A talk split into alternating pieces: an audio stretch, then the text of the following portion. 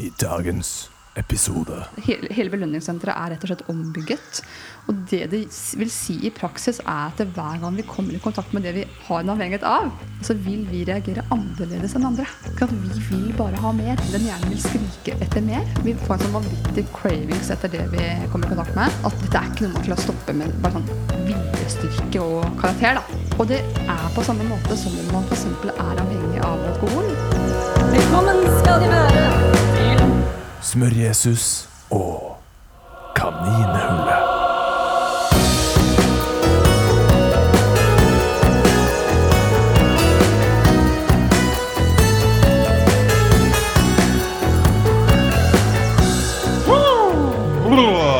Hei, hei, hei, hei, hei, alle sammen. Velkommen tilbake til en ny episode av Smør-Jesus og kaninhull.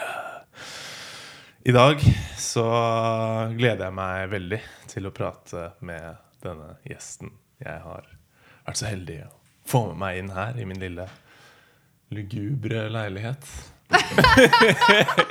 Det var dine ord, Trym. Nei da. Jeg bare ville bruke ordet lugubert, selv om det Ja, ok, kanskje ikke passer helt. Um, gjesten min eh, er, har jeg vært så heldig å faktisk eh, fått eh, Ikke være med på podkasten ennå, men en sånn skjult podkast hvor vi snakket om min opplevelse med ketogent kosthold. Fordi hun driver et opplegg som, som jeg finner veldig fascinerende. Som handler om sukkeravhengighet. Ja. Bente Jona Josefsen. Josefsen! Ofte blir det Josefsson, men det er Sen. Ja, Ja. Josefsen.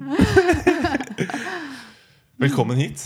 Tusen takk, dere. Veldig koselig å bli invitert. Ja, du um, Før vi dykker ned i verden av sukkeravhengighet og hva det handler om, der har jeg masse spørsmål. Gleder meg. Uh, kan ikke du gi folk en innsikt i din reise? Altså hvordan oppsto denne lidenskapen? Eh, har du hatt, hatt en egen erfaring som dette på en måte sprang ut fra? Ja, det kan jeg fortelle. Si litt om det. Absolutt. Nei, altså jeg har jo i utgangspunktet alltid vært opptatt av altså helse generelt og ernæring spesielt. Jeg har i alle år på en måte slukt alt jeg har kommet over av ernæringsbøker. Eh, Så det har vært et stort sånn, altså Ernæring da, var et stort interessefelt for meg mange mange år. Eh, Og så i 2009 så opplevde jeg at jeg begynte å slite med, med egen helse. Eh, jeg hadde vært litt sånn der opp og ned 10 kilo vekt i mange mange år. Eh, så jeg er ganske god på slankekurer, kan du si. Eh, bare spør, så kan jeg svare på det meste. Men, hadde, men da liksom opplevde jeg at jeg liksom plutselig la på meg veldig mye på kort tid. Så plutselig hadde jeg liksom lagt på meg 30 kilo, og den var helt ny. Og jeg fikk veldig problemer med blodsukkeret. Det var sånn, Hver gang jeg spiste, så bare raste blodsukkeret mitt. Så det føltes ut som jeg hadde liksom, føling. da. Det var ekstremt ubehagelig.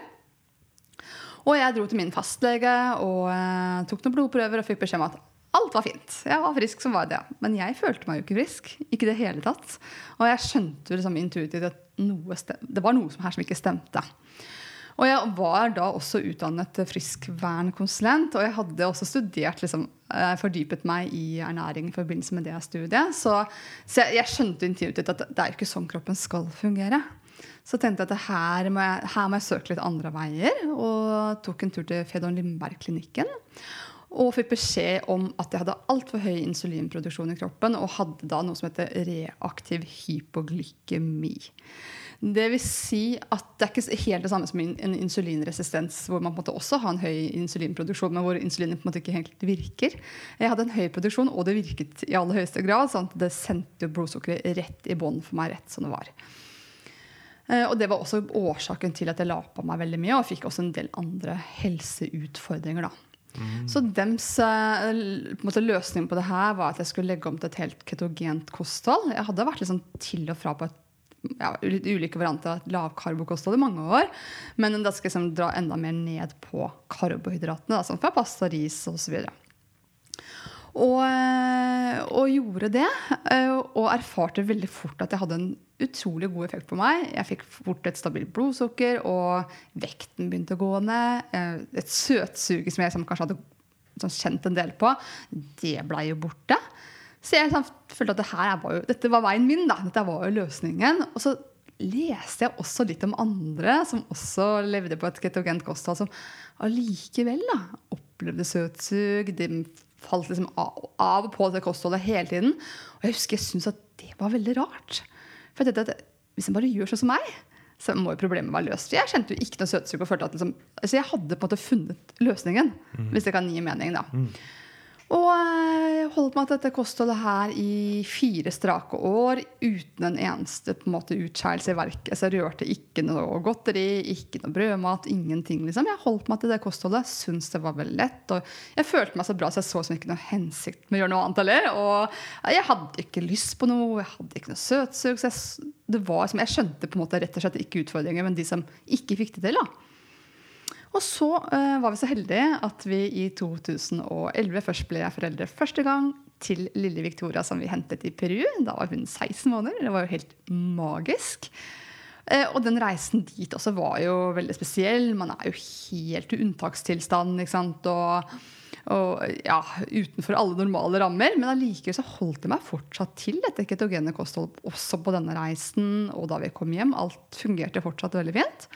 Men så gikk det kun åtte måneder etter vi hadde fått Victoria, så fikk vi en forespørsel fra det norske barnevernet. Da var det barn som var ventet til verden, som de trengte et hjem til fra fødsel, med tanke på en adopsjon eventuelt senere. Og lurer på om vi var interessert i det, og det var jo et heftig spørsmål. Vi hadde akkurat blitt foreldre, liksom. Så liksom, wow, kan vi det? Og var, da hadde vi kanskje hatt Victoria i syv måneder. Altså fra vi var i Peru og hentet henne. Vi hadde vært hjemme et halvt år med henne. Så dette var jo liksom ja, kort tid imellom disse hendelsene. Så på dagen, oi, sann, på dagen åtte måneder etter vi hadde fått Victoria, så fikk, var jeg på sykehuset og hentet lille Sara, nyfødt, elleve timer gammel. Wow. Wow, ja, Det var helt magisk. Og mannen min var selvfølgelig på en jobbreise. Man, sånt vet man jo ikke når det skjer en fødsel, liksom. Så da var jeg på dette sykehuset hentet eh, da denne dette nyfødte barnet med denne nyfødte toåringen. Nesten toåring var Victoria da. Og da gikk vi inn i en ny tilværelse, plutselig to barn. ikke sant? Jeg var hjemme med begge barna, for Victoria hadde heller ikke begynt i noen barnehage enda. Og det som skulle vise seg, var at hun minstemor, hun sov ikke. Og det fant vi ut senere litt årsakene til det, men det ble ekstremt med våkenetter. Var jeg heldig, så sov jeg kanskje sammenlagt to timer i løpet av natten. Nei. Og søvnmangel, eh, har man erfaring med det, så vet man litt om hva det gjør med oss. Så etter ett år uten å ha sovet, for jeg fikk jo ikke hentet meg hjem på dagtid heller, for jeg var jo hjemme med begge, begge barna, så plutselig opplevdes det hvert sånn ut for min del. Da. Så satt jeg plutselig og spiste sukker. Og jeg tror jeg egentlig tenkte at uh, det går bra med et unntak. Jeg tror jeg tenkte Det liksom. Uh, det var nok liksom det som var den logiske tanken bak det. Men det jeg da erfarte, var at jeg klarte ikke å stoppe. Nei. Jeg var helt ustoppelig, og det gjaldt liksom ikke bare godteri, men det gjaldt sånn Prøvde jeg meg på en brødskive, så sant, gikk jo hele brødet ned Eller sånn polarbrød. Og? Altså, det var mengder av alt. da. Og tidligere kunne jeg liksom spise litt mørk sjokolade for dempet søtsug flere år tilbake. Men da holdt ikke det heller. Altså, den mørke sjokoladen, ja, altså, det skapte jo bare sug etter noe mye mer. da. Så, og jeg ble så forundra. Jeg tenkte, hva handler det om? Jeg kan så mye om ernæring, og jeg vil jo ha en sunn livsstil, og jeg vil jo ikke ha tilbake problemet med mitt insulin. Naturlig nok. Så jeg tenkte at eh, her må jeg, bare, jeg må bare ta meg sammen. Skjerpe meg, følge mine egne råd. Og dette jeg hadde hjulpet med andre med i så mange år. Og ja, bare rett og slett bruke kunnskapen min. Og det gjorde jeg fra jeg sto opp om morgenen til barna var i seng. Da hadde jeg spist fornuftig, men så var det akkurat som at hjernen lurte meg selv Ja. til å gå og hente alt jeg kunne finne i skapet som ga et kick. Og jeg kunne også sitte oppe liksom, om netten og spise. Altså Jeg ventet på at mannen min skulle gå i seng. Han visste ikke at jeg hadde plukka opp dette sukkeret. Det gjorde det selvfølgelig i skjul. Så det ble mye rot også med min egen nattesøvn, i tillegg til vår minste datter som ikke sov. Wow. Så det var egentlig bare sånn kaos av spising og søvn og ikke søvn. Og ja, det var egentlig helt forferdelig. Så det her pågikk i tre år. Har du klart å holde deg i skjul òg, eller? Eh, Ja. Oi. Det gjorde jeg. fordi at, yes, jeg var ganske god på det, da! Åh, og så mange strategier, vet du, Trym. Det, det, det kan vi snakke mye om, egentlig. Hva er det man ikke kan gjøre for å skjule? Men i hvert fall så for at det, Offisielt så spiste jeg fortsatt ikke sukker. Alle trodde det, for det, det var jo folk vant til rundt meg at jeg gjorde jo ikke det. Så var vi i selskaper eller hadde selskap selv, så rørte jeg ingenting. Nei. Men når selskapet var over, og kvelden kom, Mm. og mannen min var i seng, så startet det. Og da skulle jeg jo, jeg tenkte jo hver gang at jeg skulle smake litt. Men litt ble aldri bare litt. Nei. Så det var en eh, smertefull prosess, erfaring. eh, Men i ettertid kan jeg jo si at det har vært veldig nyttig, for det har jo gitt meg innsikter og forståelse, og gjort at jeg har oppdaget et nytt fagfelt. Ja. Som jo er det jeg lever av i dag, å hjelpe andre. Og det er jo å hjelpe mennesker med sukkeravhengighet. Så i to, jeg må tenke meg om, eh, i 2016 var det. 2016 så kom jeg over temaet sukkeravhengighet sånn skikkelig for første gang. Og da jeg leste om det, så fikk jeg meg en sånn ordentlig aha-opplevelse. For da stemte som alle mine egne erfaringer og opplevelser. tenkte jeg bare wow! Er det dette det handler om? Det? Så det var på en måte også litt vondt som jeg-avhengighet. Liksom. Altså, det hørtes jo helt fjernt ut. Ja. samtidig så det ga jo forklaring på alt. Og ikke minst det her den forståelse at det er, kanskje ikke det er meg det er noe gærent med. Det er faktisk en fysisk sykdom i hjernens belønningssenter. Aha, Det er årsaken til at jeg ikke har klart å følge mine egne gode forsetter. Ikke sant? Yes. Så det var jo også, også god, en, det var god kunnskap å få. Og så oppdaget jeg også, for at jeg reiste selv til Sverige for å få hjelp. da, Gikk et behandlingskurs der.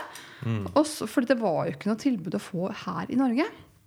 Var ingen som hadde spesialisert seg på å hjelpe mennesker med sukkeravhengighet. Eh, som jobbet aktivt med det her. Så jeg eh, fant ut at det må jeg, dette må jeg gjøre noe med. Og i og med at jeg hadde en helsefaglig bakgrunn og alltid hadde vært veldig opptatt av ernæring, så opplevdes det veldig naturlig å fordype meg i det her. Så da valgte jeg å studere avhengighetsmedisin med spesialisering på sukkeravhengighet. Og startet da mitt firma Frisk uten sukker høsten 2017. Hvor er det du hadde det studiet, sa du? Eh, Det tok jeg i altså jeg tok, et, jeg tok, tok liksom hovedstudiet mitt i uh, Sverige, og så har jeg sett Bitten Jonsson, som er en av verdens fremste på det her. Og så har jeg tatt noen fordypningsstudier også over nett i USA, da. Wow. Ja, så det Så har jo, Sykt så jeg har jo sett at det, at det nytter når man får rett kunnskap og hjelp. Ja, Og det gir meg en vanvittig motivasjon til den jobben jeg gjør Ja. i dag. ikke sant? Jeg husker vi snakket om dette her, og jeg ga deg ideen om at jeg kanskje selv var sukkeravhengig. Du var Ja. nei, det, det er du nok ikke, Trym. Eh, så vi kan jo snakke litt om kanskje da definisjonen av en avhengighet, og hva, hva, hva er det det vil si? Ja, det er et fint sted å starte. Ja. Absolutt, for det er nettopp det at veldig mange går rundt og sier at de, ja, jeg er så sukkeravhengig. Mm. Ja, jeg må i hvert fall ha én bit sjokolade, mørk sjokolade til kaffen hver dag. Ja. Ja. Og så er det jo de som kanskje har en sukkeravhengighet, som absolutt ikke vil erkjenne det. Så vi her har vi begge ytterleier, da. Men som, for å navigere litt i det hele, så deler vi det her med sukkerinntak. Og når jeg snakker om sukker, så må jeg bare nevne det, at da inkluderer du alle andre raske karbohydrater, som fra brød, pasta, ris, poteter, inklusiv potetgull, mm. pommes frites osv., og også søtningsmidler. Ja. Um, Så Vi deler her inn i inntaket inn i tre ulike kategorier. Vi har det vi kaller sosialt bruk. Det er typisk de som kan ta én bit mørk sjokolade. og altså, De klarer fint å stoppe med det. De kan godt avstå, stoppe midt i en kakebit. eh, spise bare halve desserten fordi den er mektig. Interessant. Jeg har aldri tenkt den tanken i hele mitt liv. det var mektig, hva er, hva er det, liksom? det har i hvert fall ikke vært noe hinder. Nei, så Det er de som har et sosialt bruk, og de vil jo typisk også si at det hva er problemet. Det er jo bare å spise litt alt med måte. Ja. De har den holdningen, og det er for at det er, det er deres erfaring. De forstår ikke det her med at man bare vil ha mer. Og så har man kategori to. Det er jo det vi kaller et eh, skadelig bruk. De har da ikke utviklet en avhengighet, men det er det som ofte forbi, sånn, forveksles da, med avhengighet. For de kan også ha en dårlig livsstil, de kan på en måte i perioder i livet spise usunt, lagt seg seg dårlige vaner, og kanskje fått et svingende blodsukker som gir faktisk et søtsug. Det kan jo gjøre det hos alle. Eh, Men forskjellen på de her og de som har utviklet en avhengighet, er jo at de hvis de på en måte finner motivasjon til å gjøre en endring, da, eller noen påpeker at vet du, du, du må faktisk du må skjerpe deg, du må ta grep. Du har jo fått diabetes 2 eller du har fått overvekt eller andre sykdommer. Så de på en måte finner altså, en eller annen motivasjon hos deg selv, eller noen påpeker at de må gjøre en forandring, så kan de det. Altså, Ja. De kan kunsten å ta seg sammen, og de har også muligheten til å sjonglere litt. Altså, de kan være på en måte kall flink 80 av tiden, og så kan de fortsatt liksom, skeie ut en gang iblant. Litt lørdagsgodteri hvis de ønsker det, eller en is fordi 17. mai eller jul. Men de detter jo ikke av lasset likevel. Sånn, De kan nettopp skeie ut litt, og så kan de på en måte helt fint dagen etterpå fortsette den livsstilen de har. Eh, og så har vi da eh, oss, med å si, i og med at det gjelder meg selv også, som har da utviklet en avhengighet. Da, det er noe helt annet. Da er belønningssenteret aktivert. Og da, det er ikke en reversibel prosess. Man kan ikke på en måte Har man utviklet en avhengighet, så er den der. Men det er behandlingsbart, og det er jo viktig å si. Men hele, hele belønningssenteret er rett og slett ombygget. Og det det vil si i praksis, er at hver gang vi kommer i kontakt med det vi har en avhengighet av, så vil vi reagere annerledes enn andre. Mm. at Vi vil bare ha mer. Den hjernen vil skrike etter mer. Vi får en sånn vanvittig cravings etter det vi kommer i kontakt med. At det er, dette er ikke noe man klarer å stoppe med bare sånn viljestyrke og karakter. da. Og det er på samme måte som om man f.eks. er avhengig av alkohol. Det har de fleste forstått. At liksom en som har avhengighet av alkohol, de kan ikke ta seg bare en øl på lørdagen. For da vil de bare mer. Og det er, det er helt samme sak. Men vi har da med sukkeret og andre raske karbohydrater. Ikke sant? Mm. Og er det noe med altså, Jeg husker jeg titta litt ned i, i noe vitenskap rundt sukkeravhengighet. eh, og på definisjonen hvordan dette du nevnte med å skjule det for mannen din. Altså når det, en, At en del av en avhengighet er når du du gjør noe forbi Altså du vet at det er skadelig for deg, men du, du velger å på en måte fortsette i det og finne unnskyldninger for hvorfor Er det et tegn på en avhengighet, eller har du noe å si om det? Ja, absolutt. Ja. Det er definitivt noen sånne atferdsmønstre det kan være nyttig å være oppmerksom på. Ja, La oss gå gjennom de. Ja, nei, altså det, det, du er inne på det her. Det med å gjemme og smyge det er jo et veldig klassisk tegn. Og jeg har vel av alle de jeg har hjulpet, som begynner å ganske mange etter hvert, hørt om én person som ikke har gjemt og smyget. Liksom. Resten har gjort det. Så det er i hvert fall jeg kan si, mer vanlig enn uvanlig. Og når man gjør det, så kan det gjerne ringe en bjelle i hodet. For at den som ikke har en avhengighet, er svært sjelden de har behov da, for nettopp å gjøre det. Ja. Eh, og måten man gjemmer og smyger på, det kan være mange, mange måter. Man blir jo ganske kreativ etter hvert også. Men det kan det være at man bare liksom passer på å spise når man er alene. Det er jo det ene. Eh, at man, liksom, hvis man, sitter, si man har kjøpt et eller annet på vei fra butikken, da, så passer man på en måte å kaste emballasjen før man på en måte forlater bilen. Hvis noen andre også benytter denne bilen, så det ikke ligger sjokoladepapir eller potetgull eller hva det måtte være i denne bilen. Eh, hjemme så kan det være at man kaster emballasjen ned, enten ned i søpla eller inn i noe annet, liksom. Inn i en annen pose, så det ikke Ja. syns. Ikke sant? Eller sånn som vi da, som hadde barn, ikke sant? og så var godteriet borte. Og så spurte mannen min i all verden hadde ikke vi ikke sant? et eller annet. da. Ja, og så måtte jeg jo passe på så barna ikke hørte meg. Ja, jeg ga barna det i går da du var opptatt, liksom. jeg måtte synes ikke dem hørte på. annet. De sa nei! For det hadde de aldeles ikke. Eh, Så man finner liksom både altså, Man gjemmer, smyger og ljuger, på en måte. Ikke sant? Man finner på unnskyldninger. Og også mange reiser rundt også for, for fra butikk til butikk, for det blir for flaut å handle inn alt ett sted. Og begynner kanskje å sant, står i kassa og begynner å forklare at det, skal ha gjester, eller det skal ha selskap. Altså, Det er svært så mange selskap du skal ha denne uka her. Ja. det er litt vanskelig nå under korona, kanskje. Ikke sant? Ikke skal ha så mye selskaper. Så, men man blir, man blir kreativ, da. Men kanskje ikke på en så god måte. På en sunn måte. Ikke på en sunn måte. Så det er jo det ene. Destruktivt kreativt. Eh, ja, så det er fordelen om å på en måte komme med det vi kaller tilfriskning fra sukkeravhengighet, er jo å kunne bruke all den kreativiteten til noe litt mer fornuftig, kanskje. Ja. Ja, så det gjør jo jeg i dag, da. Du får er- kanalisert den til noe bedre. Ja, noe positivt. Så, så det er jo ett atferdstegn. Og så er det det med at det kan oppta veldig mye tankevirksomhet. At du begynner å planlegge når du neste gang skal enten spise noe eller kjøpe inn noe, mens du egentlig er i gang med noe helt annet. Det kan være mens du er på jobb, så begynner du å planlegge hva du skal gjøre på vei hjem fra jobb. Sant? Eller du kan begynne å planlegge egentlig mens du spiser middag, at du skal ha denne desserten igjen. Eh, eller eh, på tampen av dagen, hvis du har, for har barn, da, begynner å fantasere om at når de endelig kommer seg i seng, så skal du kunne begynne å spise, for da fortjener du, og du trenger, og du, du er sliten, du trenger trøst, du trenger påfyll av energi, kanskje. Så tankene ligger alltid fremover mot liksom den neste belønningen din. Det, ja, det er helt riktig. Og Uh, ja, jeg leste en gang om en skuespiller som sa at i andre akt, eller siste, siste akt da, på eh, hver gang hun spilte teater, så begynte hun å fantasere om hva hun skulle gjøre når hun kom hjem. ikke sant? Eh, så kan man jo lure på hvor til stede var hun da som skuespiller, eller gikk hun på autopilot? da? Ja. Så dette er jo et tegn på at ting kanskje ikke er helt i orden. Og så er det litt det du også var innom, Drøm, det her med å, at man gjør ting til tross for konsekvensene. Sant? For du, alle på en måte, Når man har slitt med uansett hvilken avhengighet det er, over tid så vil det få, det vil få konsekvenser.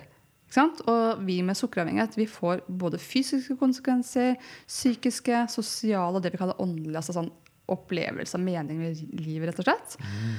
Og selv om man på en måte erfarer det, så klarer man det likevel ikke å stoppe. Det vil si, man har jo gode forsetter. Man skal jo slutte hver mandag, etter hver ferie, etter jul, etter nyttår osv. Mm. Men så klarer man det allikevel ikke. Nei. Nei.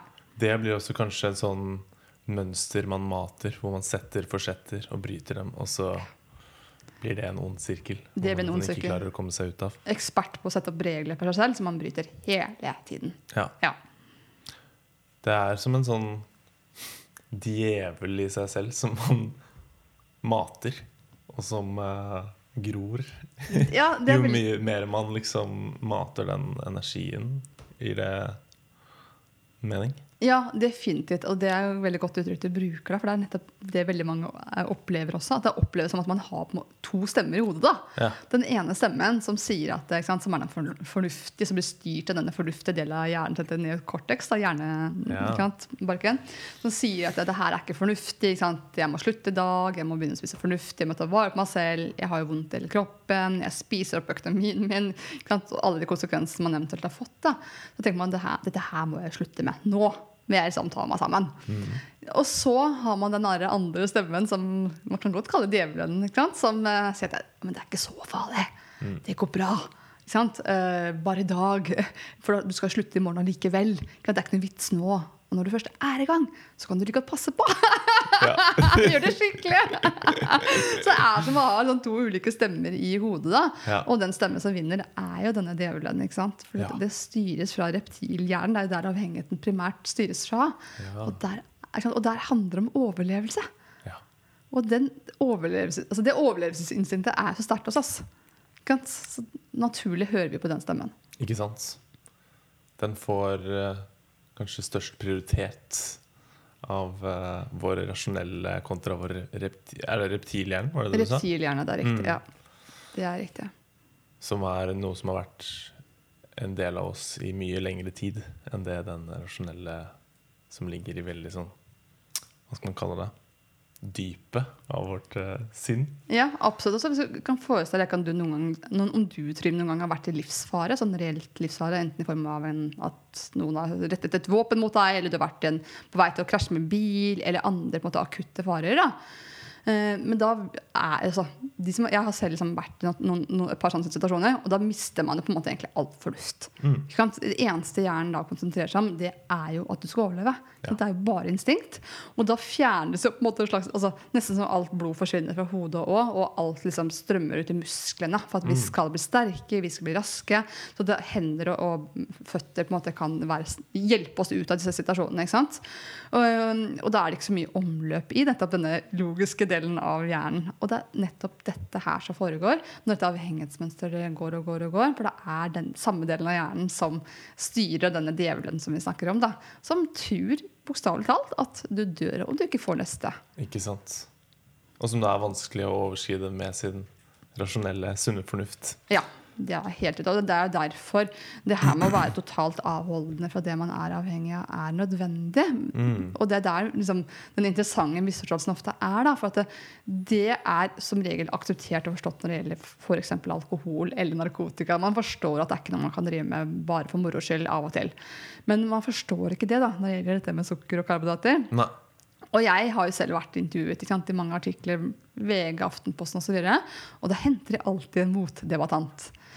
Og disse debattantene er som regel da, har sin bakgrunn for næringsmedisinen. Og der lærer man ikke nettopp om dette. For dette er et annet fagfelt hvor ernæringen bare er egentlig én bit av det hele. Det her handler om avhengighetsmedisinen. Og disse som er utdannet i ernæring, de, ikke- det er sånn- de har rett og slett ikke lært, om det. Og det er naturlig at de liksom ikke helt forstår heller. Men det de ofte svarer, da, er at, jeg da, og mitt selskap Frisk uten sukker er helt unødvendig strenge. Man kan jo ikke ta fra folk alt dette sukker Altså den gleden det er med sukker, de tenker det er med sukker. da. Og så sier de at, eh, at det må heller bare liksom, spise mindre. Men det er jo nettopp det som er helt umulig. Da har man jo ikke forstått på en måte prinsippet i avhengighet. Nei. Og så tenker de at uh, dette er unødvendig strengt, og hvis man er så streng, så vil ikke folk klare det over tid. Det er det som er tanken. Og jeg skjønner at de tenker sånn, men det er for at de verken har egen erfaring eller har på en måte denne kompetansen. Og jeg personlig har, altså jeg har erfart dette selv. Og jeg har jo personlig aldri hatt det så vanskelig som da jeg prøvde å moderere mitt inntak av sukker. Det var jo helt umulig og skapte kaos i mitt liv og dårlig helse og dårlig livskvalitet. Så for meg så er jo det å være avholdende det er jo eneste som faktisk fungerer. Ja. For da driver jeg ikke og trigger dette belønningssenteret. Det blir ro i hodet mitt. Jeg har ikke lyst på noe. Jeg får godt liv, jeg får en god helse. Det er jo det som blir et godt liv for meg. Ja. Det er ikke vanskelig, faktisk, når man har kommet dit. Nei. Nei, det er ikke så ille som man skulle tro. Nei, og det er klart det er en prosess, kjære deg. Altså, det, er, det sier ikke at dette her er bare i det hele tatt, at Man må jo ha rett hjelp for å forstå hvordan man skal komme seg ut av det her. Men når man på en måte har det, og man har kommet seg over det vi kaller tilfriskning, så er jo ikke det en evig kamp, men det er en, det er en evig oppmerksomhet. Ja. Ja, det er det. For man sant. må være oppmerksom resten av livet og ta vare på oss selv. Men det kunne du kanskje hatt godt av. ja. Ja. Ja, for det var Jeg har jo vært på ketogent kosthold selv nå i Det blir vel fireårsjubileum eh, om noen uker. ja, gratulerer. Um, men jeg har jo vært eh, Altså selvfølgelig hatt mine utskeielser og, og um, sklidd, sklidd ut. Hatt en prosess, i hvert fall en lang prosess i starten. Det å gjøre meg vant til det sosiale presset. Ikke sant? Det å Og ikke noe som merke når jeg først eh, fikk i meg et kakestykke på et selskap, at jeg veldig fort altså, Det kunne henge igjen Ja. i liksom uken etterpå. Hvor jeg bare merket at jeg hadde dette søtsuget, da. Men jeg tror jeg er mer i den der andre kategorien du nevnte. Som jeg har evnen til å liksom Kunne- slappe meg i trynet og bare OK, nå faster vi i to dager. så, så er vi tilbake på Er vi tilbake på track, liksom. Ja. Men det føles som en sånn der for meg, min egen erfaring av det med sukker, er jo at det er en veldig sånn Det er en forførende Det har et sånt Det skaper et sug i deg, og ja, som, som føles veldig fysisk, da. Eh, og det er jo det um, du også sier at det, dette her er. Så vi kan jo snakke litt om det, da. For den tredje kategorien du nevnte, at belønningssenteret forandres. Er det Hvordan skjer den prosessen? Er det noe som ligger eh, latent? Har vi genetiske eh, ting tilrettelagt for at man er enklere kanskje blir tukla med disse belønningssentrene? Eller hvordan, hvordan går det seg til da, at man utvikler en sånn sukkeravhengighet? Ja, altså All avhengighet handler veldig mye om genetikk. Er, vi vet at det er stor grad av arvelighet i det her. Men så kan, jeg, kan vi kanskje komme litt mer inn på det etterpå, men det, hvordan all avhengighet henger sammen. da. Eh, For det, det kan nemlig være slik at man har noen i familien som har andre typer avhengigheter. Da. Vi kaller det utløp fra avhengighet. Altså det kan være alkohol eller piller eller shopping eller hva som helst. Eh, si du har da, en far som har vært avhengig av alkohol, eller er da. og så blir du advart mot at du, du Trym, må ikke røre alkohol for at da, du står i fare for å også utvikle avhengighet til alkohol. Så kanskje du faktisk gjør det. Det hører veldig mange som måte, får veldig respekt for det. De vil ikke bli som sine foreldre. ikke sant? Men det man da ikke blir advart mot, at det er jo avhengighet som sådan man står i fare for å utvikle. Sant? Så avhengighet er i prinsippet samme sak. Vi har bare ett belønningssenter som kan utvikle avhengighet. Og så har hjernen noen litt ulike favoritter. Så hos deg så kan det at du reagerer mest på sukker, en annen på alkohol, en annen på piller, en annen på skjerm osv. Mm. utfordringen med sukkeret, da, eh, i motsetning til uh, f.eks. narkotika og alkohol, at det er, dette er jo noe vi blir eksponert for før vi er veldig små. Jeg vil tippe at jeg fikk sikkert servert liksom, kremen på bløtkaka da jeg var ett år. For det har vært en sånn tradisjon i min familie at ettåringen så smaker på denne kremen. av en eller annen grunn, ikke sant? Og når man er barn, så sier man jo ikke nei takk. Og man er, opplever jo også at det smaker godt. Ikke sant? De, man gjør jo det, og bar, Veldig mange barn er jo mer eller mindre glad i sukker. Det er naturlig nok. ikke sant? Men utfordringen da er jo at hvis man har denne genetikken for å utvikle avhengighet, da, og man kommer i kontakt med sukker, så er man litt sjanseløs. Altså, det er veldig vanskelig å forebygge det når man ikke har denne kunnskapen. Verken som barn selvfølgelig, eller foreldrene har denne kunnskapen om det her. Eh, Og tidligere, altså da jeg var barn, eh, så hadde vi ikke den mengden med sukker som det er i dag. Altså det var både hyppigheten av det var mindre, og også størrelsen på ting. Og da tenkte jeg brusflasker. De var sånn 0,25 til og med. ikke sant? Så var det 0,33 hvert. Og nå er det jo store flasker, halvannen litere, og også fire pakk. Det blir altfor større. Godteposene da jeg var barn, var små kremmerhus. Nå er det jo svære poser som rommer kanskje en kilo godteri. ikke sant? Og vi vet at liksom mengde gjør Altså har du mye, så spiser du mye. Sånn er det. når de drikker. Så, så utfordringen i dag er jo at faktisk flere barn også utvikler tidlige symptomer på sukkeravhengighet. Fordi tilgangen er så stor. Og, det man kan se det på, er jo gjerne disse barna som er litt ustoppelige. Så kanskje snoker litt, gjemmer litt i skapene. Mange av disse barna jeg sier ikke alle, men mange av disse barna har også liksom mønster at de gjerne helst vil ha det vi kaller liksom hvit mat. Masse karbohydrater. De foretrekker brød, knekkebrød, pasta, ris. Men det kan være vanskelig å få i dine proteinrik mat, grønnsaker osv. Mm. Så man kan, man kan se disse signalene på en del barn tidlig. Eh, Min generasjon, der var det flere som utviklet det når det var noe eldre. Selv om det også var barn da, men nå ser vi liksom større andel hvor det på en måte allerede man ser symptomene som barn. Og Det triste med det da, er jo at når man får, får symptomene så tidlig, er at da får man også konsekvensene tidligere. Så mange av disse barna her, Det er jo ikke alle som blir overvektige, men noen gjør det. Det er jo noe med genetikk å gjøre. Men at de blir jo litt Sliter med det sosiale, sliter med konsentrasjon på skolen. Noen faller ut av skolen sånn på ungdomsskole og videregående nivå. Så blir de kanskje sendt gjennom helsevesenet, ikke sant, BUP osv. Og så finner de på en måte ikke helt liksom, hva det egentlig handler om. Og så blir de kanskje satt på antidepressiva eller slankekur hvis det er vekten man ser på. For det, dette er bare symptomer. ikke sant? Så, så dette er på en måte liksom litt det, det genetiske jeg snakker om her. ikke sant? Men så er det på en måte, hva er det egentlig som skjer i belønningssenteret? For det som er at Vi som har denne genetikken, da, eh, vi får en annen respons i belønningssenteret når vi blir eksponert for det vi kan bli avhengig av. ikke sant? Så for min del av sukker da, så er det sånn at alle mennesker utskiller noe av lykkehormonet dopamin når vi spiser sukker. Vi gjør det. Det gjør du, og det gjør alle andre. Men vi som på en måte har dette avhengighetsgenet, vi utskiller mer dopamin. så man sier sånn Ca. tigangeren utskiller vi. Så vi får på en måte en, en annen opplevelse av å spise det. Og når hjernen får en sånn god erfaring at 'å, dette gjorde meg godt', ikke sant? Så Det er vi- jo litt sånn Beklager, bare skyt inn. Fordi kokain vel også, har vel også den responsen at det gir en sånn ekstrem utskillelse av eh, dopamin. Mener Ja. jeg, i hvert fall. Det er riktig. Så at det, kan være, at det er litt lignende opplevelse, nesten. Ja, definitivt. Det er, det, det er nettopp det som er. Alle, på en måte, som, om det er sukker, om det er alkoholen, hva det enn er. I første møte med det ofte, ofte da, så merker vi en annen respons enn det andre gjør. Og det sier veldig mange også som er utviklet avhengighet til alkohol, at de, det var liksom wow! Sant? Altså, de, ble ver- verdensmestere og hadde det kjempefint. Og? Altså, det var en annen respons der enn kanskje kompisen eller venninna. og, og det gjør at hjernen søker tilbake til den opplevelsen gang på gang på gang. For den vil gjerne ha denne erfaringen gjentatte ganger. Og når man på en måte har gjort dette over tid, så blir det litt mye for hjernen. Det blir litt høye doser med dopamin. Og da har hjernen noen beskyttelsesmekanismer for dette her. Og i hjernen så har vi noe som kalles reseptorer, som sikkert du kjenner til, men kanskje ikke alle lytterne. Og det, hvis du kan forestille deg som sånne små skåler da, som skal ta imot noen sånne signaler oppi hjernen.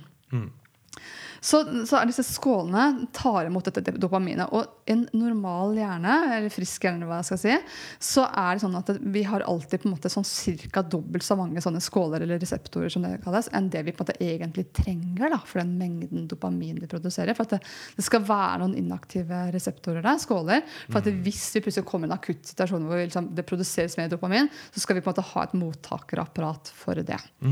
Men hvis man da har denne sårbarheten for eh, sårbarheten av at man begynner å produsere mye dopamin, så har man stadig sånn stor produksjon av dopamin oppe i dette belønningssenteret. Og da tas jo alle disse reseptorene i bruk, og det blir et problem for hjernen. Og da gjør den først det vi kaller en oppregulering. Og der kommer den fy første fysiske ombyggingen. Det er faktisk en fysisk ombygging vi snakker om. At den produserer flere reseptorer, altså mottakerskålene, for å kunne fordele dette dopamin på flere skåler igjen, slik at det skal stå noen inaktive. For det skal vi på en måte ha. Og da kan man, skulle man tenkt at der er saken løst, problemet løst. Men dessverre så er det jo ikke slik, for at vi på en måte fortsetter jo å spise det inntil det vi eller ha de prosessene vi er avhengig av hvis det er prosesser man driver med som skjermtrening osv. Vi fortsetter jo, ikke sant? Eh, og da blir de på et eller annet tidspunkt igjen for mye for hjernen. ikke sant? Det begynner igjen å fylle opp alle disse reseptorene som ikke skal fylt opp. Og da har hjernen neste beskyttelsesmekanisme, og det er at den stenger av altså den legger som et lokk på disse reseptorene, de skårene, for å beskytte at det ikke kommer for mye dopamin ned i disse. Og da oppnår man det som kanskje mange har hørt om, som kalles en nedregulering. Det vil si at Da kommer på en måte ikke signalene. Ikke? Dopaminet kommer ikke ned i disse reseptorene eh, i samme grad. Og da opplever man at det gir jo ikke samme effekt lenger. Og, og da er det to Ty til enda større Eh, Ja, og da, Merk. da kommer det at man enten tyr til større mengder. Det er der det kom inn i bildet for meg. Da jeg begynte å spise sukker igjen etter liksom, barna eh, kom inn i bildet, og jeg fikk dette tilbakefallet som jeg nå skjønte var tilbakefall. For jeg visste jo ikke da egentlig at jeg hadde en avhengighet. Eh, og da, da økte jeg mengdene. Da holdt det ikke med litt, jeg spiste mye mer.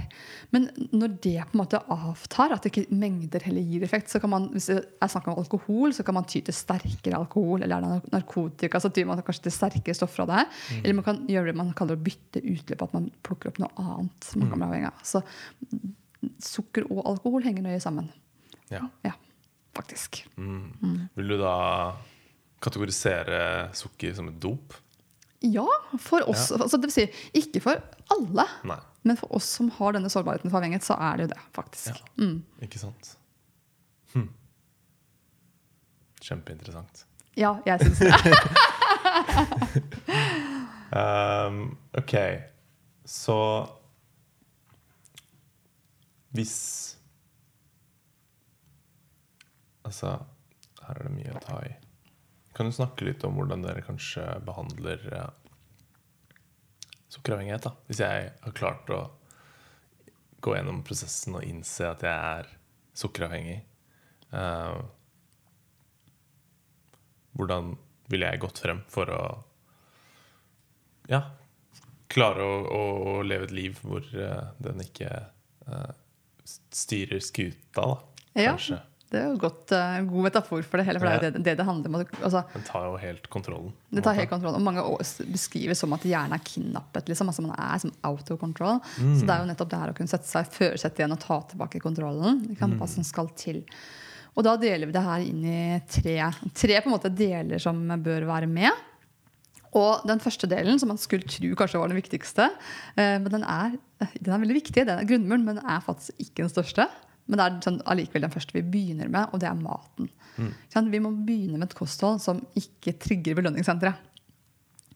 Og da er du i og for seg et altså, Skjært barn har mange navn, da, men ketogent kosthold er jo en form for et lavkarbokosthold. ikke sant? Så det er, jo, det er jo det vi anbefaler, men det er ikke, det er ikke et rent altså, Det er ikke bare det. Det er noen, noen flere dimensjoner ved det. da, Ja. for å si det sånn. Fordi at I et vanlig ordinært ketogent kosthold så er det en del som benytter også søtningsmidler. Noen gjør det, sånn type stevia-dråper og sånn i mm. i kaffen og sånn. Eller i bak bruker ting, men at de baker det med veldig lite karbohydrater. Så de har da kunstige søtningsmidler, de bruker kanskje mandelmel osv. Dette fungerer ikke om man har en sukkeravhengighet. Da må man også ta bort søtningsmidlene og disse alle melerstatningene. Har de samme effekt på belønningssenteret som sukker? Ja, det er det, det er det de har. Og så er det, her er så komplisert og sammensatt også, men vi er jo litt ulike. Men eh, jeg kan du ha hørt om det med mennesker som for er avhengig av alkohol. Hvis de på en måte avhøres kommer seg tilfredsstillende, så skal ikke de heller drikke alkoholfri øl. Nei, det er ikke alkohol i den, men det er fordi at alle smakene alt minner om. Og Ja. det vekker det der rusminnet i hjernen, som vi sier. Og sant. da kommer jeg stadig bort til den mikken. og regner med at det kommer noen lyder her. Beklager det. Eh, nei, så det, og det samme sak blir det her. At hvis man begynner for eksempel bake brød, knekkebrød, kaker sånt, det, Selv om måte, ingrediensene burde egentlig være greie i seg, så vil det vekke dette minnet i hjernen. Og spesielt om man har hatt det sånn. Det er triggeren, da. ikke sant? Og det er typisk det. Hvis man har hatt brød som en trigger, da, så er det det man søker erstatning for. Ja, Har kakene vært triggeren, så søker man erstatning for det. ikke sant. Så det typiske spørsmålet folk sier, ja, men hva kan jeg erstatte det og det og det med? Beklager. Du skal ikke erstatte. Er det det som er greia? Ja, det er det som er greia. Så er klart, altså, Noen erstatninger kan, altså, kan fungere sånn. Altså Lage seg blomkålris istedenfor kokt ris kan Ja. fungere for en del. Ja, Squashpasta Ja, i stedet for ja. Så det kommer an på hva man definerer som erstatning. Men i hvert fall brød, knekkebrød, kaker og sånn. Ja. Eh, sukkerfri sjokolade det, fungerer veldig dårlig, er vår erfaring. Ja. Ja, Så det er maten at vi begynner på en måte med grunnmuren. At det må være en rett sammensetning av mak makronæringsstoffene, altså proteiner, fett og karbohydrater. Mm. Og vi ser på disse triggerne som er Vi har en del ting til felles, og så er det noen som er individuelle. Altså Noen kan, noen kan for tåle å spise litt bær, mens andre blir supertrigga av det.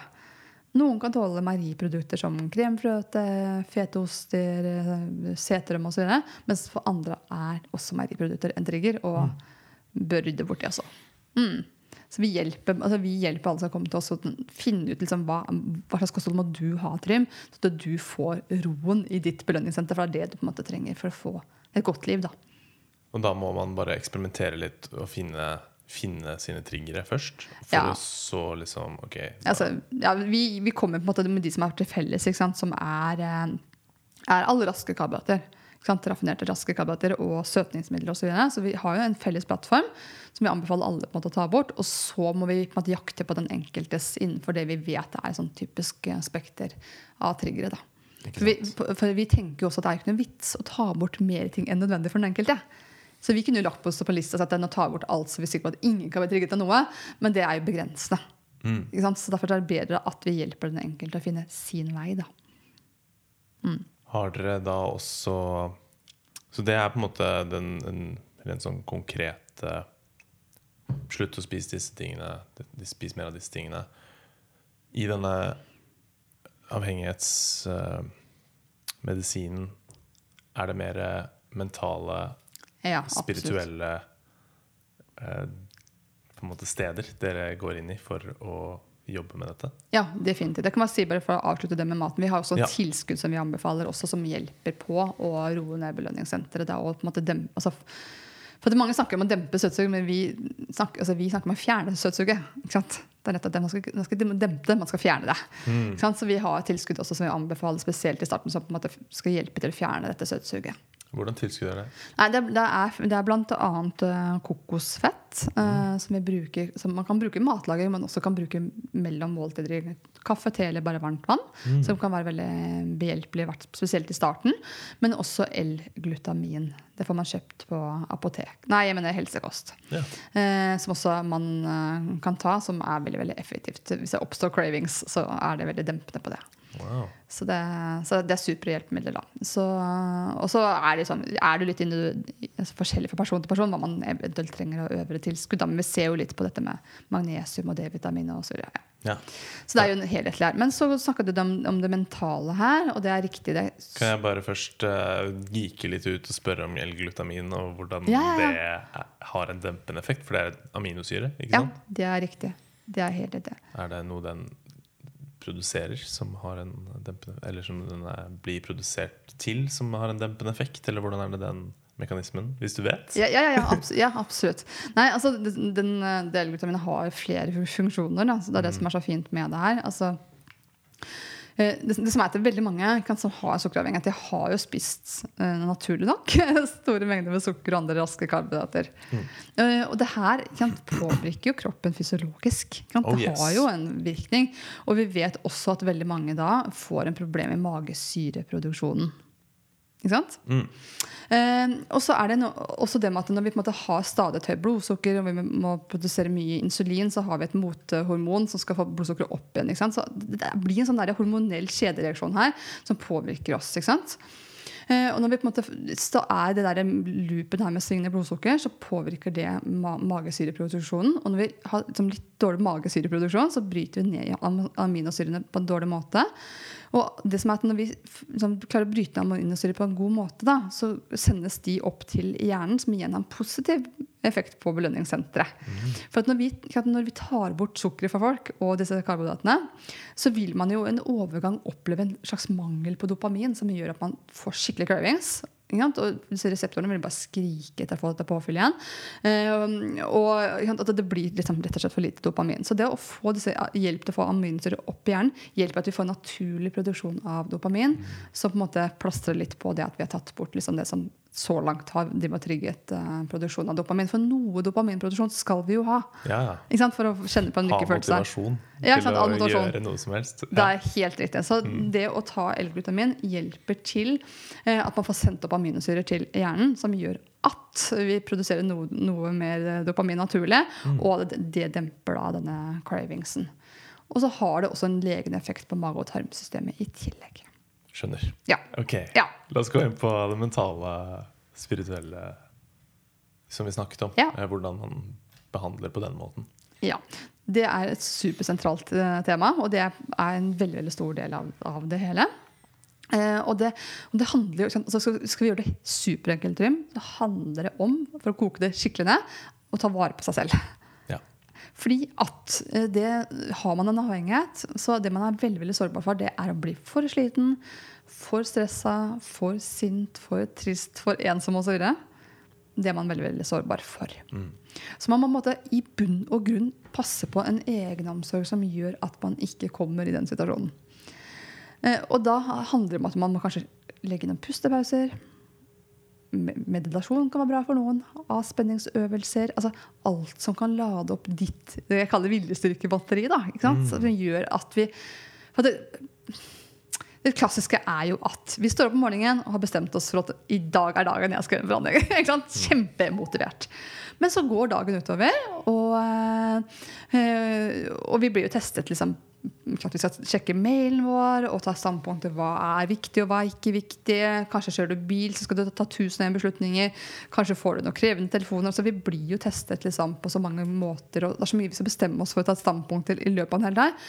At liksom, når vi kommer på kvelden, så er vi gjerne litt slitne. da. Sant? Og da er jo da på en måte alle gode forsetter havner i sjøen. Oh yes. Yes. Så det vi på De kveldene kan være utfordrende. ja, ikke sant? Ja. Det er gjerne da folk sprekker. Ja. Ikke sant? Og, og Derfor så er det viktig, viktig måte å være oppmerksom på seg selv gjen, altså løpende gjennom dagen, sånn at man kan ta en liten sånn pitstop. da. Hvordan er det med meg nå? Hm. Er jeg sliten?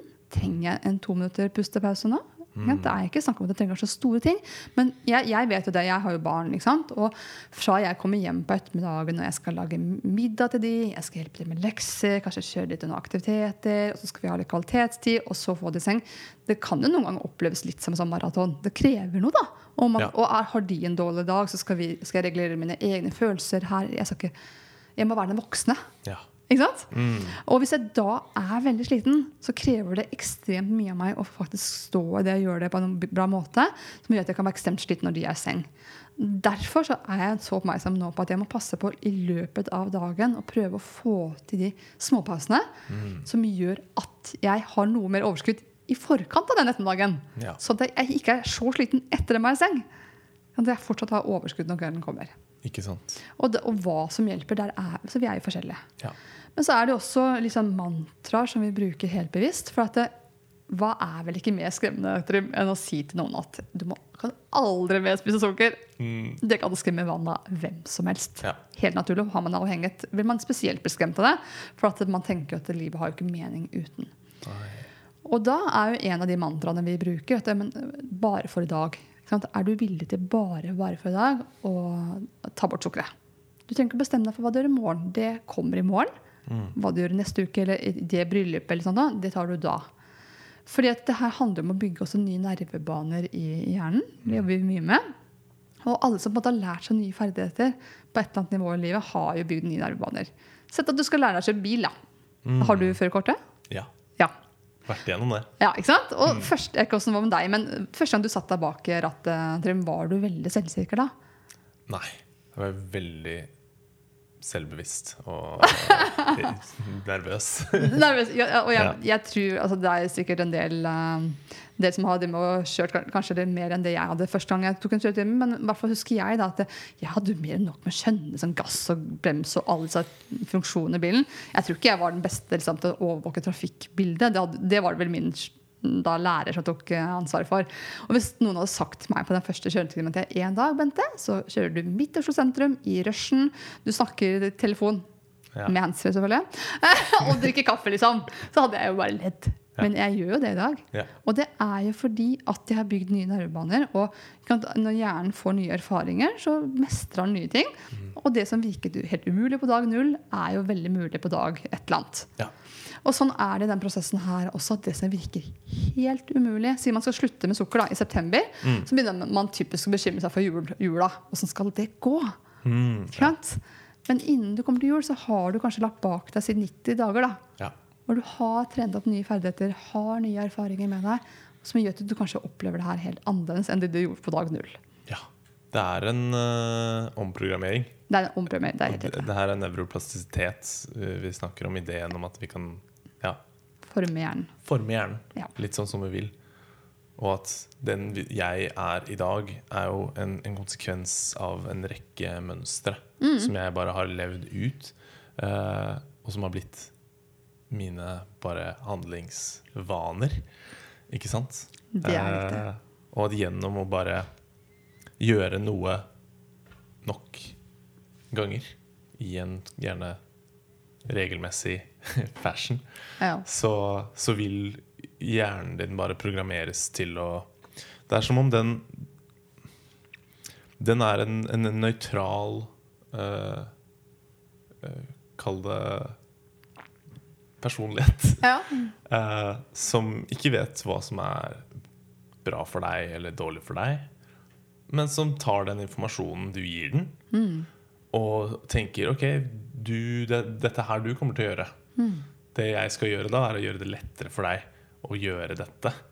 Fordi det er det vi holder på med. Ja. og jeg gidder ikke å bruke så mye energi på å skulle gjøre denne handlingen hver gang. Da. Så derfor kan jeg spare energi ved å lage eh, hva skal man, eh, Hvis du ser på en nervebane som en, en sti, da. Ja. At du, du, den stien liksom vier seg ut, og den blir lettere for, for hjernen å reise den stien. Eh, sånn at den kan bruke mindre energi. Det er vel egentlig det det Det er, kommer ned til. det er helt. Og det, det, og det handler jo om at altså, når vi har gjentatt noe lang nok tid, så blir det nye automatiserte vaner.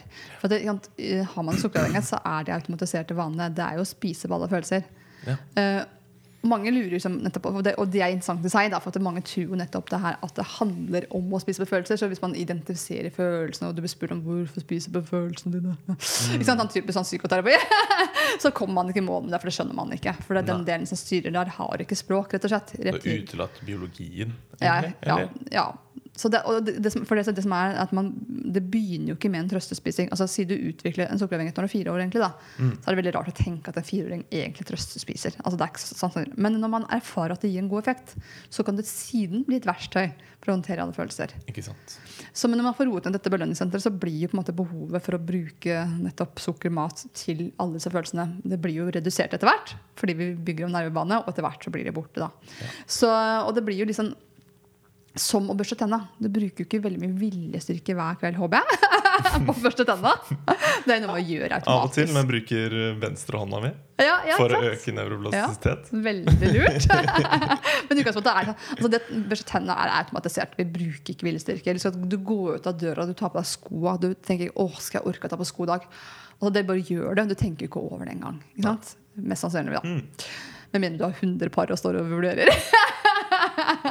Men det er veldig mye vi gjør da, som er automatisert, som vi ikke tenker over. Og det er det her vi hjelper da, våre eh, deltakere, ja, klienter, med å få nye automatiserte vaner som er bedre for det. Men da må de på en måte i bunn og grunn ha et kosthold som gjør at man ikke trigger belønningssenteret. For du kan ikke lære nye handlingsmønstre så lenge hjernen blir trigget av noe. Altså, Nei. Det blir som å lære en som er avhengig av alkohol, å endre drikkemønster samtidig som sitter ikke drikker øl fordi den og drikker bare øl og ikke whisky. Altså, det, det fungerer jo ikke. Nei, Nei. nettopp. Mm. Hm. Veldig interessant. Um, hva var det jeg skulle si? Jo, interessant det med Med å, å ta vare på seg selv da, som en del av Uh, Og selvfølgelig også dette med Som dere sikkert da gir hvis, hvis uh, sukkeravhengighet har blitt en måte å, Eller sukker har blitt en måte å deale med følelsesmessig turbulens på. Eller stress Ja. også. Um, å jobbe med å finne andre verktøy for å ja, jobbe med, med disse tingene på en litt mer uh, konstruktiv måte, kanskje. Er det, har dere noen anbefalinger, eller, eller hvordan verktøy har dere Ja, for det? ab absolutt. Uh, altså det, som er, det som er interessant, er at hele følelsesregisteret vil jo også endre seg. Mm. Når man på en måte kommer seg i tilfriskning fra en sukkeravhengighet. Så si det er en person som har vært dypt deprimert, hatt mye angst, uro osv., Mm. så kan det være at man, man kan tenke at man lærer den personen å håndtere det. Ja, men idet de legger om kostholdet og får inn alle verktøyene og kommer seg til tilfriskning, så har de kanskje bare 10% av det problemet de hadde. Ja. Og da er det også noe annet å håndtere det. Ikke sant? Yes. Ja. Eh, Så, så veldig mange får jo en helt annen altså, psykisk eh, forutsetning for å håndtere livet i, i seg, bare i anførselstegn av å komme seg da i tilfredsstilling. ikke sant? Men vi snakket så veldig mye om dette følelsesregisteret fordi at man har vært vant til nettopp å regulere alt med å spise. ikke sant? Det er her som autopiloten. ikke sant? Og da handler det både om for at man kan jobbe med pusteøvelser, for det så er veldig sånn dempende oppi belønningssenteret. og det puster riktig. Men også det å på en måte identifisere disse følelsene, lage seg på en måte handlingsplaner i forkant. At når jeg kommer i den situasjonen, hvordan skal jeg håndtere det? At man skriver seg ned en plan, rett og slett. Um, det kan være at du skal i et selskap, da, og så vet du at men hver gang jeg har vært på besøk hos de menneskene, så vet jeg at det her, der blir det pusha på. For det, sukker er ikke bare sosialt akseptert, men det er faktisk forventet. og Du er med, du må kunne kose deg. ikke sant? Så det å på en måte skrive en handlingsplan i forkant, hvordan skal jeg møte disse situasjonene, det er jo en del av, eh, av programmet. Og også, det, å, ja, ikke sant? og også det med å trene seg på å, bryte noen mønstre. Altså sånn, si du eh, når, hver kveld da, har dumpa ned i sofaen på samme sted og satt på Netflix og spist, ikke sant? så ligger det programmert i hjernen din at Idet liksom, du treffer den sofaen, så starter programmet i hjernen din og forventningen at her kom, nå kommer det noen belønning. ikke? Ja. Så da anbefaler jeg også at du gjør noe annet. Om ikke annet, sett deg et annet sted i sofaen din. eh, Finn en annen stol. Eh, se på kanskje noe annet på TV, eller strikk istedenfor. Eller ikke sant, altså, bygg et modell for dem. Gjør noe annet. Eller gå deg en tur. Ikke sant? Fordi at det å sette seg i den samme situasjonen som du alltid har vært i, er ikke nødvendigvis helt hensiktsmessig. Da. Nei. Nei. Det er, jeg husker jeg tok et kurs i nevroplastisitet. Og der Ja, er det jo veldig sånne der, eh, øvelser som å gå baklengs Ja, til jobb sant. og gå inn i dusjen, skru av lyset og gå inn i dusjen når du skal gå inn i dusjen, og pusse med venstre hånda. Og egentlig bare for å venne deg til å bryte disse mønstrene, Ja. sånn at du er mer kanskje ja, formelig, eller eh, Ja. Ikke så satt, liksom. Mer eh, adaptable. Hva er det den Hva er det det hmm. Formbar. Ja. Ja. Ja, altså, ja, absolutt. Jeg tenker selv, altså, sånn, Et eksempel fra i sommer. Så skulle jeg bade med vår yngste datter. Eh, og Vi liksom hadde kommet oss på stranda, og så løp hun ut i vannet. Og så kjente jeg litt på dette vannet, og så, og så begynte det å blåse litt, og det var liksom kaldt og guffent. da. Og så sa datteren min at ja, kommer til mamma? Så sa jeg ja, jeg skal prøve. Og så sa hun mamma, skal du bare prøve, skal du ikke gjøre? Og jeg bare det har du jo helt rett i. Jeg skal ikke prøve dette skal jeg jo gjøre. Og så tenkte jeg for meg selv at det er jo ekstremt ubehagelig. Og ba, synes jeg da, sant, å gå ut i kaldt vann. Men så tok jeg meg selv i at jeg har jo alltid på en måte brukt Altså jeg har hatt en sånn eh, strategi når jeg skal bade i kaldt vann, at jeg kan gå ut litt og litt og litt. Det er sånn skikkelig seigpining. Så fikk jeg bare en idé der og da. Nå skal jeg trene meg på bare, liksom bare løpe ut i det kalde vannet. For det er noe med bry Når jeg bryter den der barrieren der, så kan jeg bruke det. Altså, det vil hjernen min kunne bruke i andre situasjoner i livet som også er ubehagelige. Fordi at det er noe som kalles isomorfi, som er en overføring i hjernen. At den lærer fra én situasjon til en annen. Ja. Så, så det er ganske interessant hvis man tør å utfordre seg selv. I en gitt situasjon så kan man ha nytte av det også i andre situasjoner i livet. Kasimorfi. Nei, isomorfi. Isomorfi. Isomorfi, isomorfi det er at noe har samme form. Da. Ja. Det er der metaforer og lignelser kommer inn i bildet. At man bare forteller en metafor, og så, og så betyr, altså, kan du overføre det til andre deler av livet. Ja. Ja. Så det mønsteret da, Det mønsteret. Man må bryte den eh, eh, triggeren til å holde seg i komfortable, Ja. Ja. som når det oppstår en, en, et ubehag, ja. Ved å bryte den i den sammenhengen der, altså løpe ut i vannet, Mm. så vil du kunne ta og bruke den samme uh, ferdigheten, altså når du er på, på jobb og Ja. må si ifra om et eller annet til sjefen din, eller ja, ikke sant? Plutselig må holde en tale eller så ja, et eller annet. Sånn, Holde en presentasjon eller uh, gjøre noe annet ubehagelig. Så det har et navn, ja. Ja. Fantastisk. Det Ja. med isomorfi. Isomorfi. Ja. Fantastisk. For det er jo noe jeg er veldig opptatt av med Ja. alt jeg gjør. Med altså, isbading og alle disse Jeg er veldig sånn opptatt av å frivillig gå inn i det ubehagelige i en tanke om at Ja, en tanke om mye rart. Men at i hvert fall at det er eh, i det ubehagelige at vi, vi vokser. Ja. At det er potensial for vekst. Så hvis vi hele tiden skal unngå det ubehagelige, så vil vi også stanse, altså redusere vår vekst, i hvert fall. ja, ja, absolutt. Um, Men jeg ble litt nysgjerrig på den isbadinga di. Altså, Ja. Ok, um, Bruker du våtdrakt, eller gjør du ikke det? Nei. så du kan gå på Instagrammen min. Jeg la ut en video i går.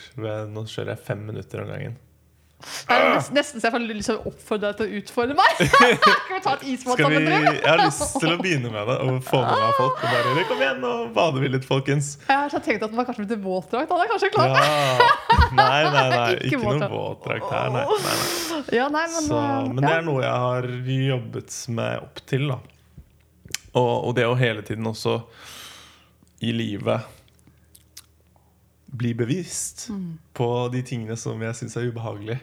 Og nå har det blitt som en sånn derre uh, automatisk respons. At det er bare sånn åh, ok, da er jeg nødt til å hoppe inn i den der ubehagelige greia her, fordi jeg vet at jeg kommer til å plage meg, plage meg selv så mye hvis jeg liksom prøver å gjemme meg fra det. ja, ja. Så det er Og det er igjen en programmering som jeg har gjort. gjort. Ikke sant? Som, nå, nå går det bare av en, som en vane. Og det er nesten sånn noen ganger jeg bare blir sånn oppgitt over meg selv. Jeg var sånn Åh, må jeg, må jeg gjøre denne greia her, liksom? Jeez. Men der igjen, det er uh, Men jeg tror det er en veldig viktig ting for folk å forstå. Den uh, eh, formligheten som ligger i oss.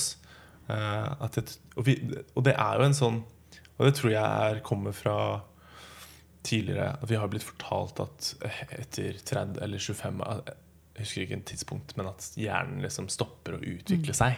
Og Ja. at vi blir liksom satt. ja. Og det syns jeg er en sånn ekkel unnskyldning jeg hører folk bruke på Ja. hvorfor de liksom ikke tar tak i ting. da det er bare sånn, Nei, det er bare sånn jeg er, liksom. Og nå er jeg, nå er jeg 50, og da er det ikke noe å gjøre med det, fordi hjernen min har stoppet å utvikle seg. Eh, jeg vil bare oppdatere folk på at det er motbevist nå. Og du har fortsatt muligheten til å endre deg som en 50-åring. Og 60, 70, Som en 80, 90, 60-, ja, ja. 70- og 80-åring også. Never too late. Så, og, og at det er ja, noe man kan øve seg på litt etter litt. Og, og, det som er interessant, Mange av de som kommer til oss, altså de er jo, mange er godt voksne. Og det er noe med at det er avhengig, det er noe som utvikler seg over tid. da. Det utvikler seg i ulike faser. Og Derfor så blir måte symptomene og konsekvensene verre med årene. og derfor- Det er jo en grunn for at det er mange godt voksne som tar kontakt med oss. Og selv de klarer jo nettopp å endre, endre seg. Ja. Ikke sant? Så det er ikke for seint for noen. Nei. Nei. Og det er ofte en sånn eh, Sånn som du også nevnte med når man først begynner å ta vare på seg selv, da. Og bli mer bevisst på akkurat det.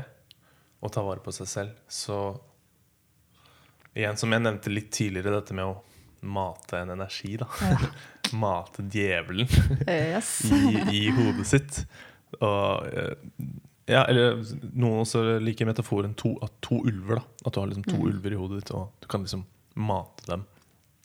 Og når du mater dem, så vil de få mer plass og mer kraft. Og det å gå imot dem senere vil være vanskelig. Og det kan slå seg ut negativt hvis du på en måte velger å hele tiden eh, kanskje gå imot dine beste interesser. Fordi det er noe i deg, føler jeg i hvert fall. Nå går vi kanskje ut i litt mer sånt metafysisk, eh, spirituelt plan, men, men som vet at du kanskje ikke burde spise den eh, eh, donuten til frokost, eller Ja. Jo, det gjør det. så, så det er noe med å Ja. Når du begynner å ta vare på deg selv da, og gjøre gode valg for deg selv, så blir det også en, en, en positiv feedback-loop som Absolutt. forsterkes. Og det blir lettere å på en måte gjøre positive ting for seg selv. Da. Men Absolutt. du nevnte også Vi kan snakke litt om det. Om det å finne mening. Ja. Fordi at eh, sukkeret, som vi snakket om, tar over livet. Og det blir den tingen man jager. Blir det på en måte meningen? ja, sukkerguden. Kanskje ikke, kanskje ikke alt, men at den, den i hvert fall hmm. Ja, altså, ja, absolutt. Det, det, her, det her handler om flere aspekter. Det ene er jo at man kan jo ikke se altså Når man er midt i det, så kan man jo ofte ikke se for seg et liv uten. Og det er helt naturlig, for det er fylt så mange behov. ikke sant? Ja. Så det, det er den ene siden av det, og at det, tankene alltid ligger litt i fremtid, som vi snakket om også. Og det, det er som om som halve hjernen er skrudd av, altså ligger i sånn mørke, for man får ikke tilgang til hele hjernen så lenge den er aktiv i hvilken som helst avhengighet. da. Men så er det også det rent fysiologisk så kan man, man kan bli ung, altså noen da, kan bli veldig nedstemte, deprimerte, få angst osv. Mm. uh, og det her med at man er, er ute av kontroll. At man bryter sine egne gode forsetter hele tiden. sant? Det, hva gjør ikke det med en? da? Man kan jo bli ordentlig deprimert, og skam er jo et biprodukt av det hele. ikke sant? Og, og dette her blir på en måte til sammen så mye for enkelte at veldig mange har vurdert selvmord, vurderer selvmord. og Noen foretar det, altså utfører det faktisk, og det er jo kjempetrist. Så dette her er jo så viktig at man tar på alvor. Og, det, og dette her er jo kanskje noe av det som Altså Man kan fleipe mye om det her, at noen er liksom litt for glad i et eller annet. Ikke sant? Men det her handler ikke om å være glad i. Ikke sant? Det handler om belønningssenter som er helt control. Man har ikke kontroll på det her, og det gjør så mye med mennesker. Og Det er som at du, er du bare ser sånn toppen av hodet på folk, og så er resten under vannskorpa. Og under der så er det et skjult liv som rommer så mye skam, skyld, eh, atferd du ikke har kontroll over. Ikke sant? Som gjør at lykken i livet blir bare mindre og mindre og mindre. Og mindre. Og så fordi at det er så lite kunnskap om sukkeravhengighet som det er i samfunnet, så blir man jo heller ikke møtt med forståelse og respekt. Da. Man blir ofte latterliggjort. Og motarbeidet også. Hvis man sier til meg jeg spiser ikke sukker, så nei takk. Ja, men du må kunne kose deg. sant? Altså, man blir ikke hjulpet engang. hvis du skjønner, sant? Så det er, dette er en utrolig ensom prosess også. Ja. Og derfor er det den siste brikken som vi ikke har vært innom nå. for at Vi snakket om det med at maten er en av det, og så er det det med det mentale verktøyet. Den siste brikken er fellesskap med likesinnede. Og det er fordi at folk som ikke har det her eh, det, det kan være veldig vanskelig for å sette seg inn i hva det her handler om. Og så har man forskjellige evner, empati og intelligens og evne til å ta til seg ting. Absolutt, selvfølgelig. Men altså, du kan ikke forvente at hvem som helst da skal forstå deg. Og det da å komme inn i et fellesskap med likesinnede gjør jo at du i hvert fall, de forstår hva du snakker om. da. Å ja, du gjemte, ja. Men det skjønner jeg godt. Og det har jeg gjort mange ganger òg. Ja. Men sier du til en som aldri har gjort det, så bare Hæ, hvorfor gjør du det? Altså, det gir jo ikke mening. ikke sant? Så det, det, det å være sammen med andre, og fordi også det er reptilhjernen som styrer showet her? Så Mm. si du sliter en kveld, da, eh, og den herjer vilt med deg, så er du i dårlig selskap med deg selv. Ja. Da trenger du kanskje noe input fra noen utenfra som kan støtte deg og backe deg og si, liksom, si de rette ordene. da. Ja. Og det å føle seg forstått i noe som man på en måte kanskje føler seg alene i, da. Som jeg tror er veldig mye mange sitter med, og som kan skape mye psykologisk ubehag. Absolutt. Um, jo. For det fikk meg til å tenke på den derre Jeg husker jeg satte meg litt inn i Johan Hari sitt eh, Han hadde jo skrevet noen bøker om avhengighet for eh, noen år tilbake, i hvert fall.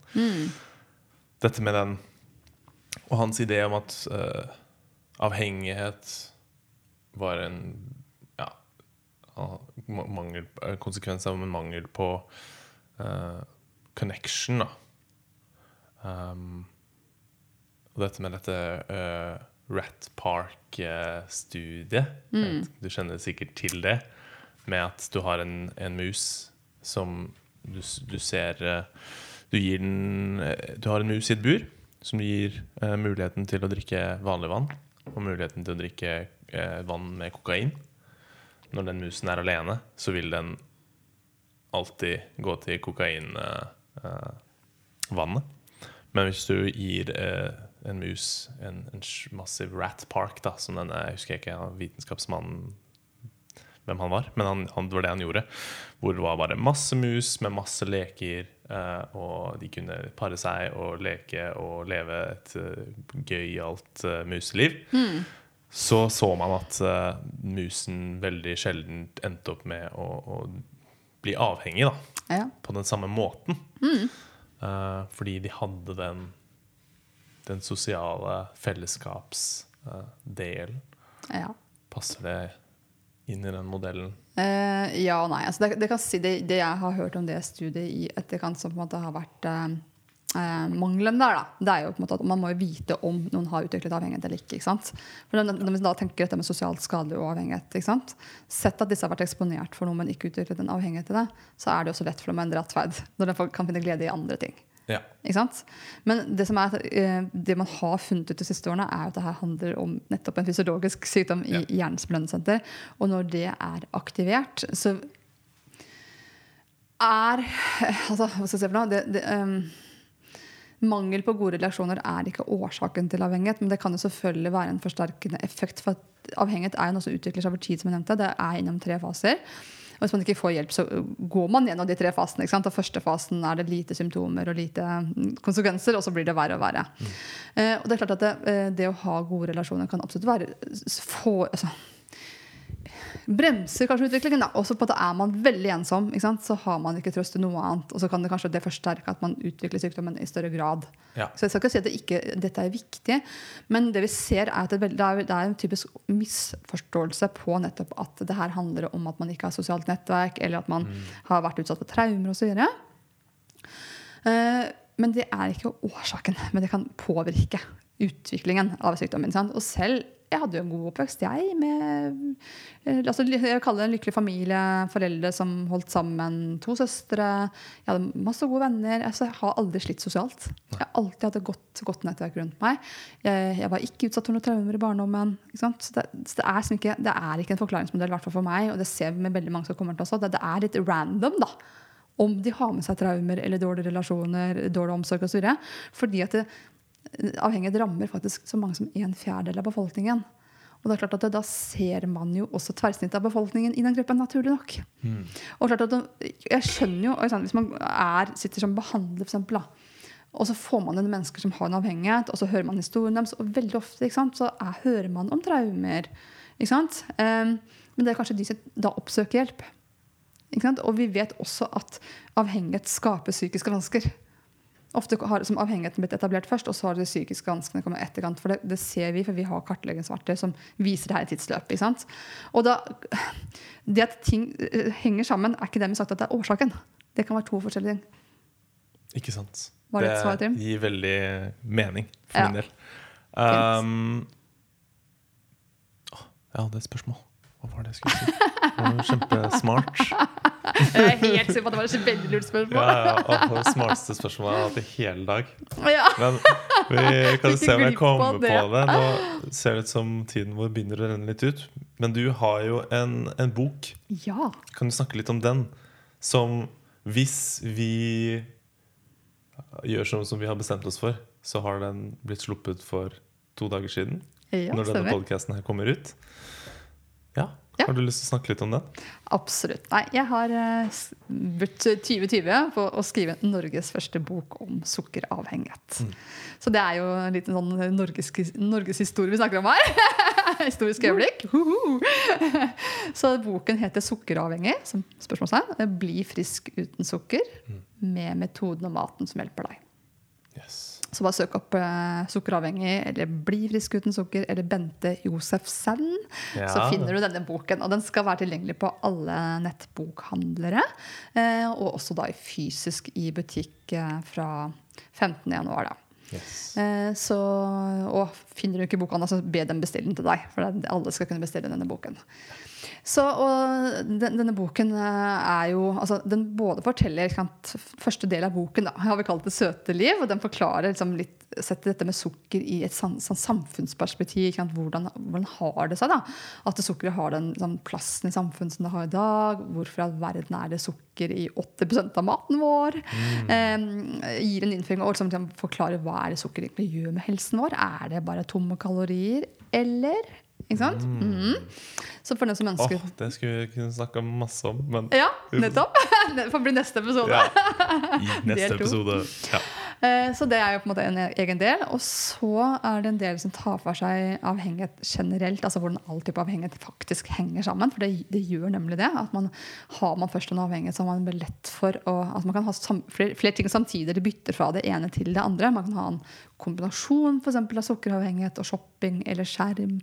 Man er sårbar for å bytte ut noe annet. Når vi får den nedreguleringen vi var innom i stad, så kan man si du må gjennom en operasjon, da, og så får du um, smertelindrende tabletter som kan være avhengighetsskapende.